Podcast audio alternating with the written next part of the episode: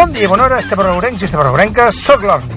No l'alcalde, sinó l'Orni Mans i Mànigues, el despertador de Sant Esteve de les Roures. I avui presentem el programa d'informatiu matinal de poble més preciós, o era el més sediciós, ara no ho tinc clar, o sí, de Catalunya. Però bé, no ens enrotllem i comencem. Comencem el programa amb notícies nostres, del poble, de Sant Esteve de les Roures. I comencem amb allò més important, l'educació ja que la Biblioteca del Poble ha rebut del Ministeri d'Educació tot un seguit de còpies del llibre La transició espanyola i la democràcia. Llibres que la Magda Lena, la nostra bibliotecària, ha decidit ubicar molt encertadament a la zona de ficció, concretament a la zona de ciència-ficció. Però seguim amb l'educació i comentar-vos que l'usuari de Twitter Sweet Jane, estudiant de la nostra universitat, ha reclamat a l'Ajuntament i especialment al nostre alcalde, l'Orni, ojo, no a mi, sinó a l'altre Orni, que exigeixi a Google Maps que situï el poble mapa, mentre això no passi, els estudiants es concentraran cada dimecres a la plaça de la Vila per reclamar-ho. Des d'aquest programa hem intentat posar-nos en contacte amb el senyor Google, però ens ha enviat un mail disculpant-se per no poder atendre'ns i convidant-nos a registrar-nos a Gmail, Google Drive, Google Analytics i no sé quantes coses més. Però vaja, seguim més notícies. La veu de Sant Esteve de Roures està portant a terme una enquesta sobre si volem que l'Ajuntament declari l'1 d'octubre dia festiu.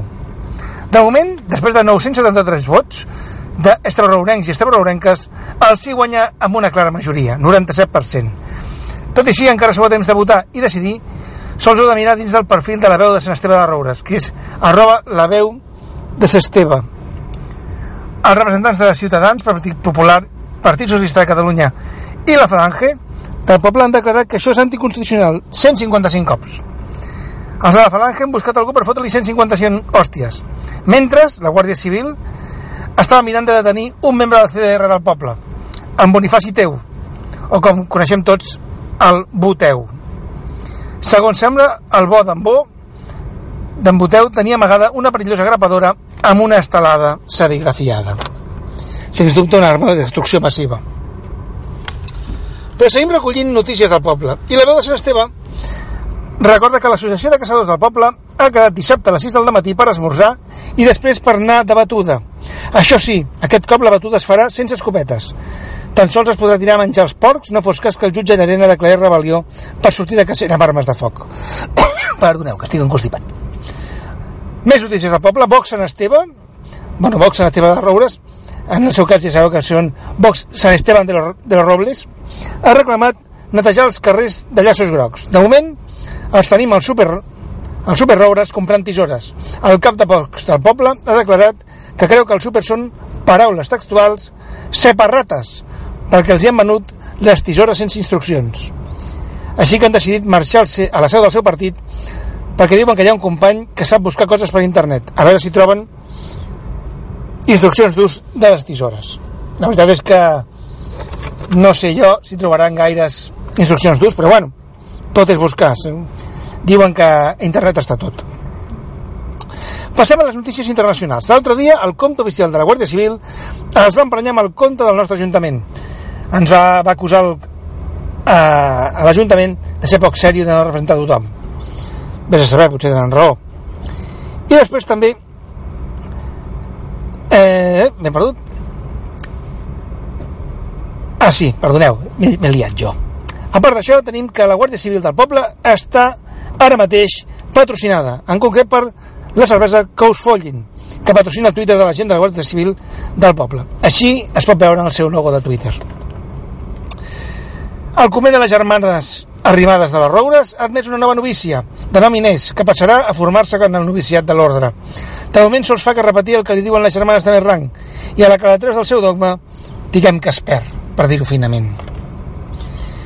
Bé, fins aquí les notícies del dia. Passem al temps d'esports i a l'espai patrocinat pel Puti Club de Sant Esteve de les Roures. El lloc on corre és un plaer. El Barça de futbol empata dos al camp del Celta, que fa el segon gol amb la mà.